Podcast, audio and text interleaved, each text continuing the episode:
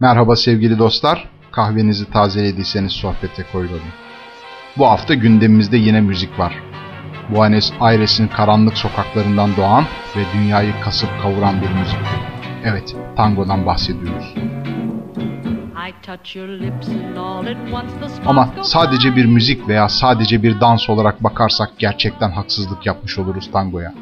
Gerçekte tango dört ayrı fakat birbiriyle ilişkili sanat olan müzik, dans, şiirsel şarkı ve yorumdan oluşur.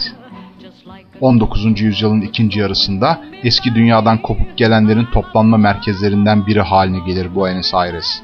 Ve her gelen umutlarını, özlemlerini, küskünlüklerini, öfkelerini, sevgilerini, vatan hasretlerini ve nostaljilerini de yanında getirir bu ihtiyar kente.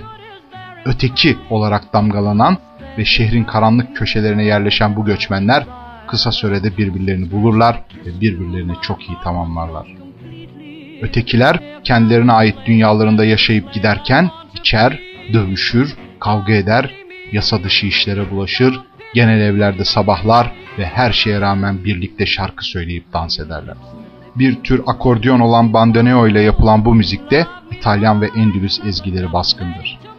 Dans ise daha çok kabadayıların genel ev sakinleriyle vücut vücuda yaptıkları heyecan verici, meydan okuyucu, dahası kışkırtıcı bir danstır. Başlangıçta ötekileri karanlık sokaklara hapsedenler çocuklarının bandoneonun insanın kanını kaynatan ezgilerini ve tangonun baştan çıkarıcı sözlerini duymasına engel olmaya çalışırlar. Ama ötekilerin çığlığını hiçbir yasak, hiçbir baskı, hiçbir yok sayma engelleyemeyecektir. Baş döndürücü bir hızla yayılır Buenos Aires sokaklarında tango ve kente ruhunu verir. Sokaklar, barlar ve üst tabakanın buluştuğu mekanlarda tango dansı görülür. Artık Buenos Aires denilince akla başka bir tarif gelmez olur. Kısa zamanda öfkesi Arjantin'i aşar tangonun. 20. yüzyılın ilk yıllarında yöresel sanatçılar ve gruplar Avrupa'ya yolculuklara başlarlar. Tarihin garip bir cilvesi olarak Buenos Aires'in batakhanelerinde doğan tango, Avrupa'da Paris'te meşruiyet kazandırır kendisine ilk olarak. Sonrasında Londra ve Berlin yoluyla diğer Avrupa başkentlerine taşınır. New York ve Finlandiya gibi uzak ülkelere gitmek için ise 10 yıllık bir süre yeter tangoya.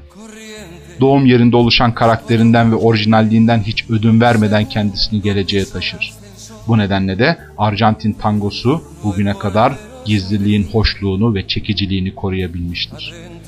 Buenos Aires'te gece hayatı bohemdir. Şarabın arkadaşıdır ve tango özgürlüğe bağlılığıyla yaşamını sürdürmüştür der Montevideo'lu şair ve müzisyen Horacio Ferrer ve devam eder.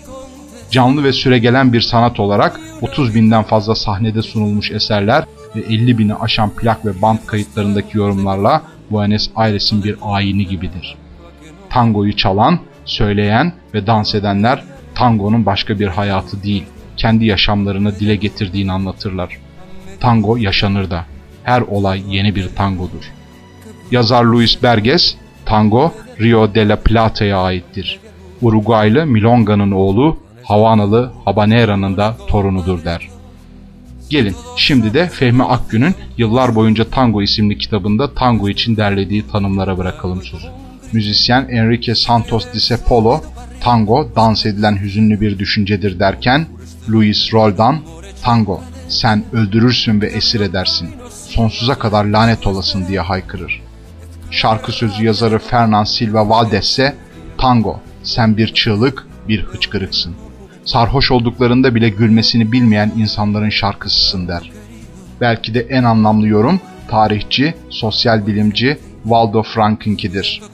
Tango, hayatın ve trajik duyguların estetik bir biçimde toplumca ifadesidir.